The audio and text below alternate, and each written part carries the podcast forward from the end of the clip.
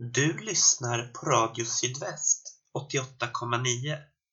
Du kommer nu få höra en sändning från Brännkyrka församling med kyrkovaktmästare Lena Brännvall.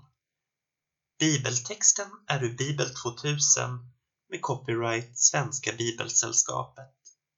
Ansvarig utgivare är Gustaf Frosteblad. Kom ihåg att Brännkyrka församling också har en podcast som finns där poddar finns.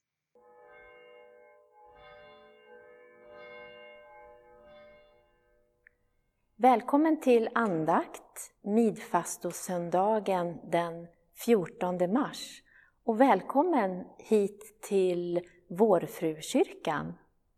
Jag ska läsa ur Johannes evangeliet kapitel 6, vers 1 till 15. Jesus for över till andra sidan av Galileiska sjön, eller Tiberiasjön.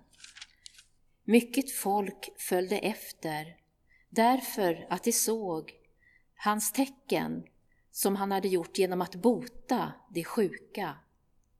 Och Jesus gick upp på berget och satte sig där med sina lärjungar. Det var strax före judarnas påskhögtid.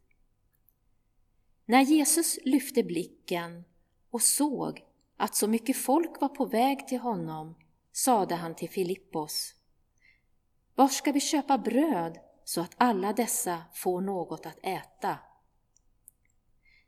Det sade han för att pröva Filippos. Själv visste han vad han skulle göra.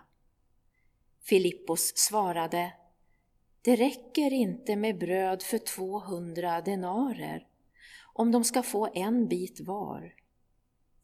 En av lärjungarna, Simon Petrus bror Andreas, sade Här är en pojke som har fem kornbröd och två fiskar. Men vad förslår det till så många? Jesus sade Låt folket slå sig ner. Det var gott om gräs på den platsen och de slog sig ner. Det var omkring fem tusen män.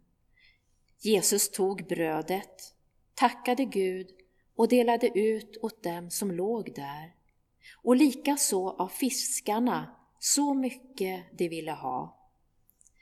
När de ätit sig mätta sade han till lärjungarna Samla ihop bitarna som har blivit över så att ingenting förfars. De samlade ihop dem och fyllde tolv korgar med de bitar av de fem kornbröden som hade blivit över när de ätit. Då såg människorna vilket tecken han hade gjort och så sade de Detta måste vara profeten som ska komma hit till världen.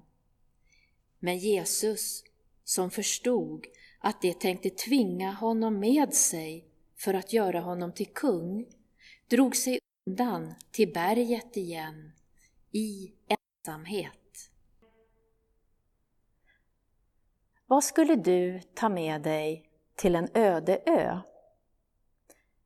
Givetvis varierar svaret beroende på vilka fler förutsättningar som ges. Hur mycket kan man ta med sig? Liksom om den här övistelsen är mer av en semester på två veckor eller om man blir under dramatiska förhållanden strandsatt på obestämd tid. Ja, liksom vilken klimatzon den här ön befinner sig i förstås. Det som är praktiskt lagda kanske tänker på ett sätt och de som är med lite socialt eller andliga på ett annat. Jag vet inte. Men oavsett så väljer man något som känns viktigt och relevant.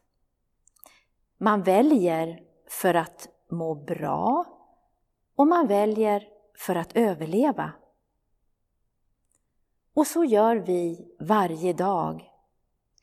Vi ställs inför frågor och problem som måste lösas som kräver val utav oss. Men det kan vara svårt att välja ibland. Man vill ju så gärna veta vilka konsekvenserna blir av ens val. Men här famlar vi i blindo. Framtiden är ett oskrivet blad. Och det är först när vi ser tillbaka på våra val som vi kan se var vi står idag. Men låt dig inte luras. Hade du valt annorlunda hade du stått på en annan plats idag och kanske inte alls till det bättre. Men återigen till frågan om vad du hade tagit med dig till en öde ö. För den får dig att tänka till, prioritera, välja men också välja bort. Nu ändrar jag frågan lite. Vad tar du med dig till ditt liv? Ja, det är en stor fråga. Finns det begränsningar kanske du undrar? Mm. Hur som helst, återigen, det som är viktigast för oss är det som lättast att vilja ta med. Och för att överleva och må bra så behöver vi mat. I dagens evangelietext med berättelsen om brödundret visar Jesus på att fem bröd och två fiskar kan mätta tusentals människor. Varför just fem bröd och två fiskar? Mm. Och att det även blev över.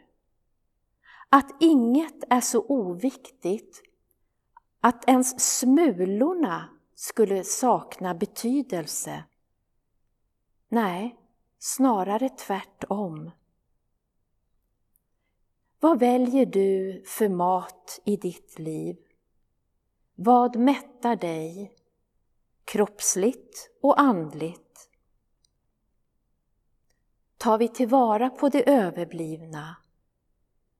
Kastar vi det ohämmat? Eller källsorterar vi, återvinner, återbrukar? Jag är livets bröd, säger Jesus. Så vad väljer du att äta?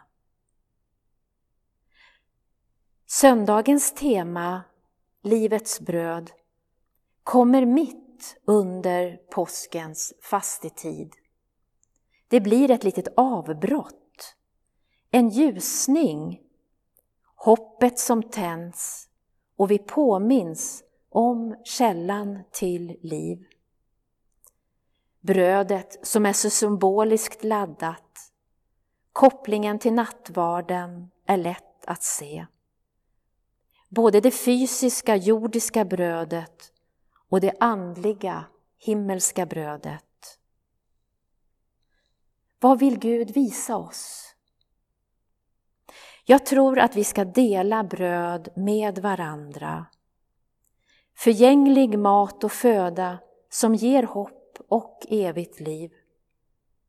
Låt brödet stå med på din lista med viktiga saker att ta med i ditt liv. I dessa coronatider är det dock inte så lätt att dela bröd med varandra i fysisk mening. Men det går utmärkt i bön och tankar och där är du inte ensam. Jesus tackar Gud för brödet och ser till att alla som samlas får. Ingen avkrävs något. Alla får ta emot. Det jordiska brödet, ett synligt tecken, välsignat genom under av Gud. Livets bröd. Ge oss idag det bröd vi behöver. Låt oss sjunga psalm 74.